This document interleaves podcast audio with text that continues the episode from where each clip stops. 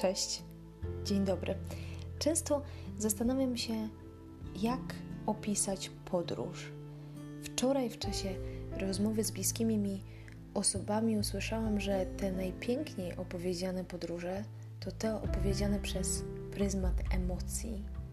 Jak ostatnio wspominałam, każda podróż jest albo może być kłamstwem, bo jest to tylko moja podróż widziana moimi oczami. Ty albo ktoś inny może zobaczyć coś zupełnie innego, może nie dostrzec tego, co ty widzisz, a ty możesz pominąć to, co ten, który siedzi na przykład obok w taksówce, widzi gołym okiem. Podróż opowiadana przez pryzmat emocji niesie ze sobą ryzyko. Ryzyko jest takie, że ten, kto słucha o podróży, może Twojej podróży nie zrozumieć. Może być tak, że tknięty Twoją opowieścią postanowi te emocje sprawdzić i z teoretycznie takiej samej podróży nie wyniesie dla siebie nic. Tak więc opowieść o podróży niesie ze sobą odpowiedzialność i ryzyko. Dzisiaj chciałabym Wam opowiedzieć o mojej podróży do Gruzji, tej drugiej części, kiedy po wylądowaniu udało nam się w końcu wydostać z przeciekającego deszczem lotniska i kiedy postanowiliśmy pojechać do centrum Tbilisi, jak Gruzini, czyli żółtym autobusem. Jeśli macie ochotę, słuchajcie dalej, bo my nie do końca Zaznajomieni z tamtejszym systemem kupowania biletów i ich kasowania, zdaliśmy się na pomoc współtowarzyszy, a że Gruzini są bardzo pokojowo nastawieni do turystów, to nie było z tym większego problemu. Mieszaniną trzech różnych języków ustaliliśmy ilość biletów i w drogę. Muszę powiedzieć, że z tego pierwszego dotknięcia Gruzji, zaraz po tym jak wylądowaliśmy w centrum Tbilisi, Tbilisi pamiętam ogromne zmęczenie, ponieważ oczy nam się zamykały, ale dzielnie walczyliśmy ze snem, bo naprawdę w moim mniemaniu nie ma już nic przyjemniejszego niż takiego, takie poznawanie kraju i miasta po raz pierwszy. Kiedy uznaliśmy, że podróży już dość, postanowiliśmy wysiąść na najbliższym przystanku i stamtąd zacząć szukać hostelu, w którym mieliśmy spędzić pierwszą noc w Gruzji. I tak oto chodząc po jeszcze wtedy, powiedzmy, obcych ulicach, kiedy miasto nas otulało, kiedy nasze, albo moja, bo tutaj powinnam chyba powiedzieć za siebie, niecierpliwość zaczęła sięgać zenitu, ja zauważyłam takie niezwykłe, niezwykłe zjawisko. Z perspektywy czasu myślę, że to ja jako kobieta byłam pierwsza i wypatrzyłam te perełki chodzące po ulicach. Niko, nie, nie, nie, jakby nie o kobiety tutaj chodzi, chociaż ich urody naprawdę nie zamierzam podważać, ale bo piękne są. Gruzinki są piękne aż się nad nimi teraz zamyśliłam. Ale wracając do tematu. Myślę, że założę się, że większość mężczyzn najprawdopodobniej zignorowałaby kolorowe, pełne różnych wzorów, kolorów i metek unikaty, ale babskie oko po prostu dużo wypatrzy, więc siłą rzeczy nie mogłam zignorować tego, za czym moje oczy podążały. Gdyby więc ktoś mnie zapytał o to, co zauważyłam jako pierwsze, spacerując zmęczonymi i niecierpliwymi nogami po stolicy Gruzji, to na pewno odpowiedziałabym, że Prada, Gucci, Armani, a ponad wszystko Chanel. Dużo Chanel. Więcej niż udało mi się zobaczyć podczas wszystkich moich pobytów w Londynie przez ostatnich 15 lat. Loga tych projektantów przewijały się wszędzie, naprawdę na odkrytych torsach jeszcze takich niewyrośniętych młodych chłopców, na naprawdę niebotycznie wysokich obcasach pięknych kobiet, szale, spodnie, paski, chusty, czapki, nie wspominając już o torebkach, których właścicielkami były nastolatki, dorosłe kobiety i babcie, bo w Gruzji wszyscy kochają Chanel. Na początku zastanawiałam się, gdzie właściwie kupuje się takie cudeńka, bo tutaj na wyspach o nie raczej trudno, albo zwyczajnie nie interesowałam się tym aż tak bardzo, żeby do, do, do, dotrzeć do źródeł. Zresztą sama wychodzę z założenia, że lepsza jedna porządna torba niż tysiąc elwu zdobiących szafę. Co ciekawe, rozmawiałam z jedną osobą mieszkającą od kilku lat w Gruzji i poprosiłam, żeby mi podpowiedziała, dlaczego podróbki zalewają ten piękny kraj i co ważniejsze, z jakiego powodu ludzie je kupują.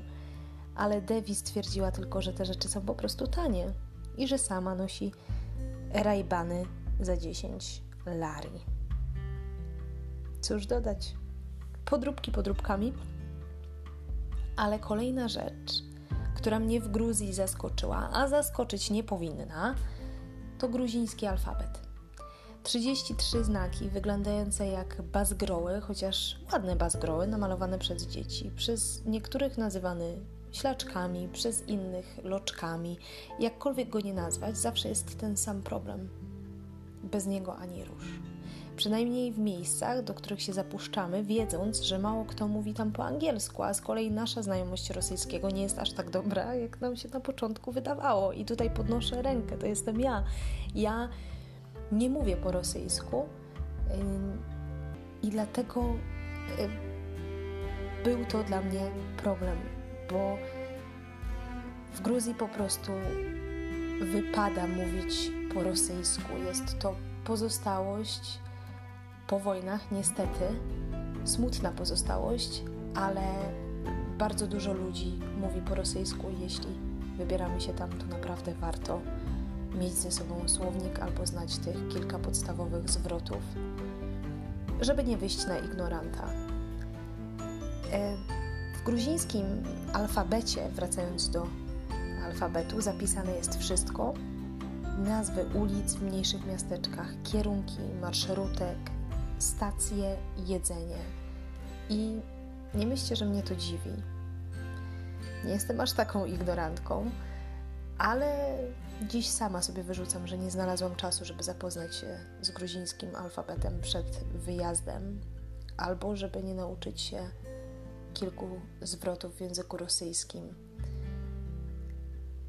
Nikt na szczęście nie utrudniał mi życia, wręcz przeciwnie, bo ludzie byli bardzo pomocni chociaż to ja byłam gościem w ich kraju i tak jak mówię, spędzenie kilku godzin nad nauką ich języka zapewne by mnie nie zabolało. Co by jednak nie mówić, z każdej sytuacji, w której musieliśmy czytać lub o zgrozo pisać, udało nam się wyjść prawie koncertowo. A to wszystko w myśl zasady bardzo starej językowej zasady, powtarzanej przez moją mamę wielokrotnie – koniec języka za przewodnika i z takim pozytywnym podejściem naprawdę można ugrać z Gruzinami wiele, bo widzą Twoje starania i czego nam się nie udało wytłumaczyć słowami, wytłumaczyliśmy rękoma. Hostel Romantic to był nasz pierwszy przystanek w Gruzji. Wynalazłam to miejsce gdzieś w internecie, bo miało być tanio, bo przeforsowałam ten jeden nocleg z moim mężem. Stwierdziłam, że chociaż jeden nocleg musimy mieć zabukowany. I tak wynalazłam hostel Romantic. Tak jak mówię, miało być tanio, a bonusem była jeszcze kolacja w cenie i domowe wino. No to wybór tego miejsca jakby wydał nam się oczywisty. Dotarliśmy tam zmęczeni z nadzieją na szybką regenerację organizmu w postaci kilku godzin snu. To miejsce, które zresztą nie wiem, czy istnieje, nie jest miejscem, które można bardzo łatwo znaleźć. No ale jak tutaj, jak zwykle, bardzo pomocni okazali się Gruzini. Ja miałam w głowie tylko tyle, że miejsce, do którego się wybieramy jest w piwnicy, więc na próżno szukać szyldu między oknami wieżowców. Prawie w progu przywitała nas pracownica, górska przewodniczka, przede wszystkim dusza tego hostelu, Devi. Wspaniała, silna, ostra i twarda niemiecko-indonezyjska mieszanka mieszkająca w Gruzji. Pierwszym z jej pytań było skąd jesteśmy. Niby normalne pytanie, w końcu fajnie wiedzieć skąd ludzie przybywają i co ich sprowadza, ale Devi y, zadaje to pytanie, żeby się upewnić, że nie jesteś z Rosji. Nie szczypie się i mówi prawdę między, między oczy. Ona nie lubi Rosjan. I mówi to z takim wspaniałym swoim niemieckim akcentem I hate Russians.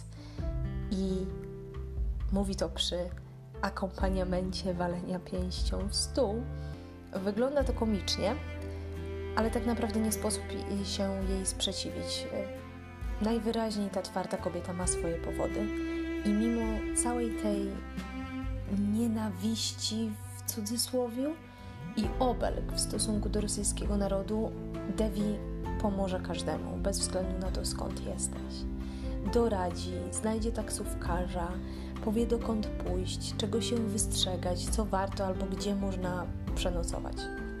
A jak taki Rosjanin wpadnie do hostelu, to pościeli mu łóżko, zastrzegając, że Rosjan nie lubi, języka rosyjskiego nie znosi, tak naprawdę o mało nie splunie, wypowiadając się na temat braci rosyjskiej, ale uwierzcie mi, serce ma ta kobieta dobre, nadzwyczaj.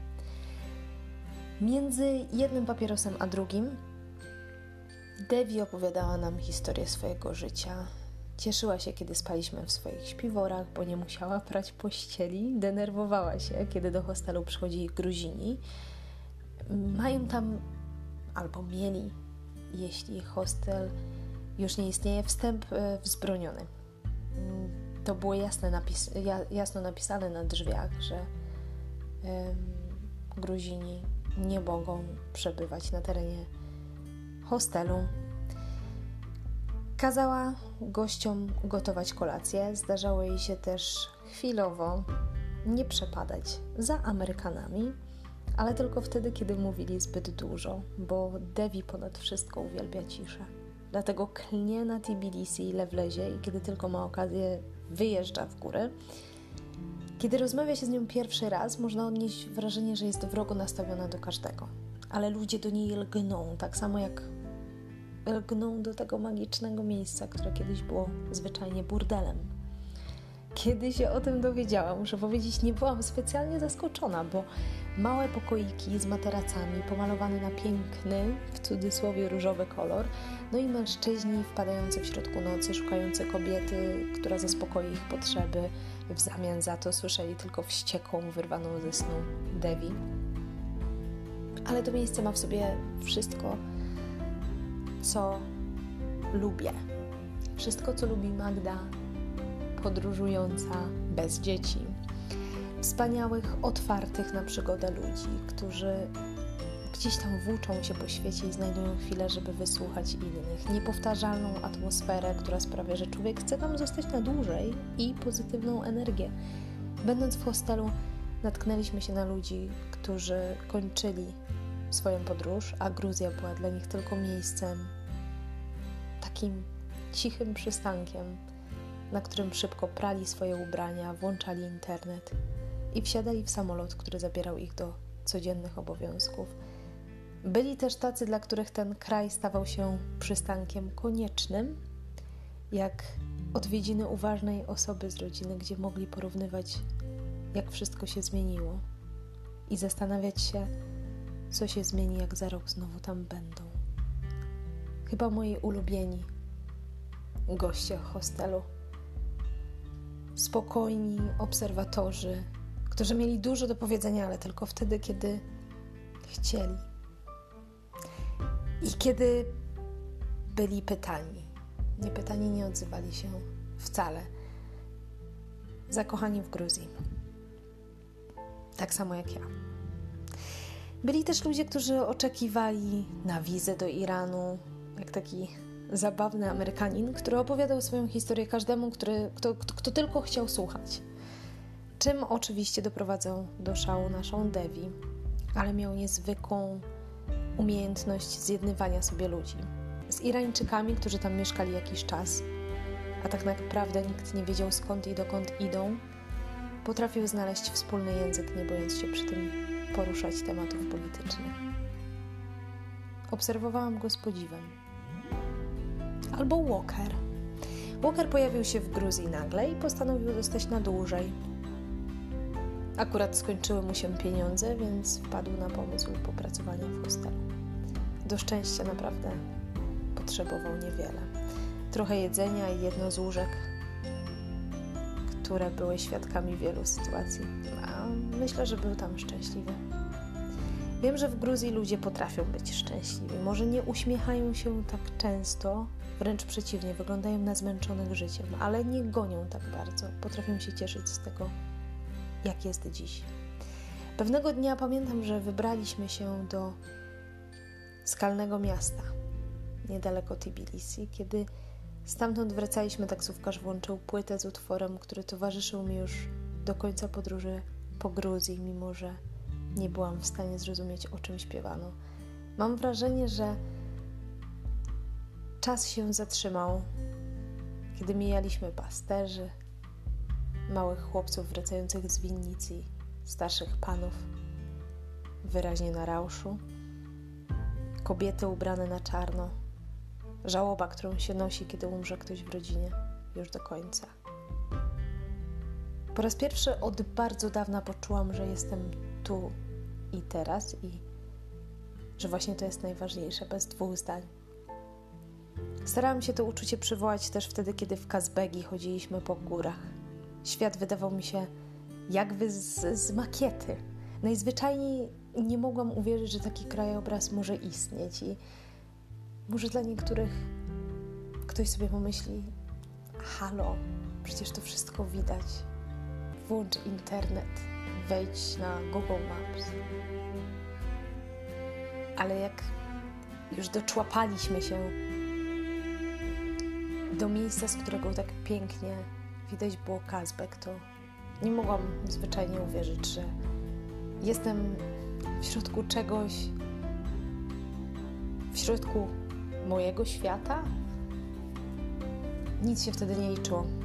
Przepiękna cisza, przepiękny spokój, mnóstwo emocji. Emocje, których nie można porównać do, do niczego. Nie widziałam piękniejszego miejsca. Naprawdę nie widziałam. Bo nie potrafię, nie mogłam uwierzyć, że taki krajobraz może istnieć. I za każdym razem, kiedy zatrzymywaliśmy się z naszymi towarzyszami, wzdychaliśmy naprawdę, jakie to jest niemożliwe, że tak być nie może, jaki to widok i czy widzieliśmy piękniejszy. Pamiętam, że poznaliśmy ich właśnie w drodze do Kazbegi, którym, w którym w końcu wylądowaliśmy w jednym pokoju, z którymi piliśmy najlepsze wino w Gruzji i chyba nie tylko. I zajadaliśmy się prawdziwie domowymi kinkali. Zaczęło się od chęci przespania w jednym z najpiękniejszych miejsc w Gruzji, a skończyło się. Jeszcze tak naprawdę się nie skończyło. Bo jak to nasza towarzyszka podróży stwierdziła pewnego dnia, ona jeszcze nie wróciła, jeszcze nie wróciła. Wygląda na to, że ja też jeszcze nie, bo z Gruzji nie tak łatwo się wraca. Nawet jeśli przyjdzie nam spać w zimnym pokoju, gdzie 10 lari na osobę to jest zbyt mało, żeby wziąć prysznic, albo wtedy, kiedy wydaje ci się, że masz już dosyć ludzi, że potrzebujesz samotności i ciszy, spokoju, wszystkiego samego, byle z dala od tłumów, to z Gruzji łatwo się nie wraca. Bo kiedy wydaje ci się, że już nie masz ochoty, że teraz najlepiej tylko spakować swoje ciuchy i cierpliwie czekać na samolot, wtedy właśnie na Twojej drodze pojawiają się następni, którzy już tam gdzieś byli i polecają, i trzeba wsiąść z nimi w taksówkę, i nagle lądujesz na granicy Gruzji i Azerbejdżanu i znowu masz wrażenie tej nieskończoności, tego tu i teraz. I znowu Gruzja miesza ci w głowie, bo okazało się, że wszystko to, co w Twoim świecie na zachodzie jest oczywiste, tam znowu nie ma tak wielkiego znaczenia.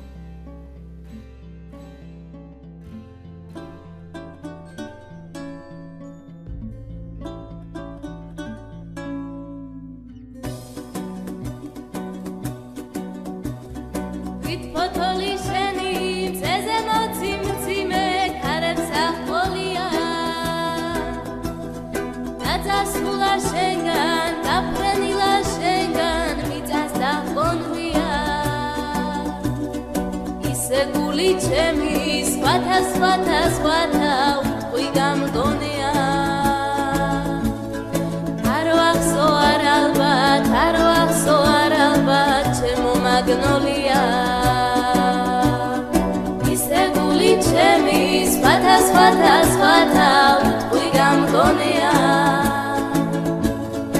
არ ვახსო არალბათ არ ვახსო არალბათ ჩემო მაგნოლია. ჩვენცხრა თვალამზეთა გამჯინვარე ზღვათა თობა გაყოლია მიგვატონ მარად მათ სამხრეთის ქართა რაღაც არ მგონია მაგრამ გული მისი სხვათა სხვათა სხვათა უტყვი გამგონია მე არ ვიცი რატო მათ შენი ცირათა ჩემო მაგნოლია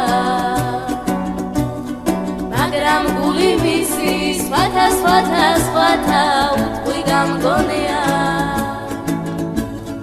მე არ ვიცი რატო მათ შენი ცირა და ჩემო მაგნოლია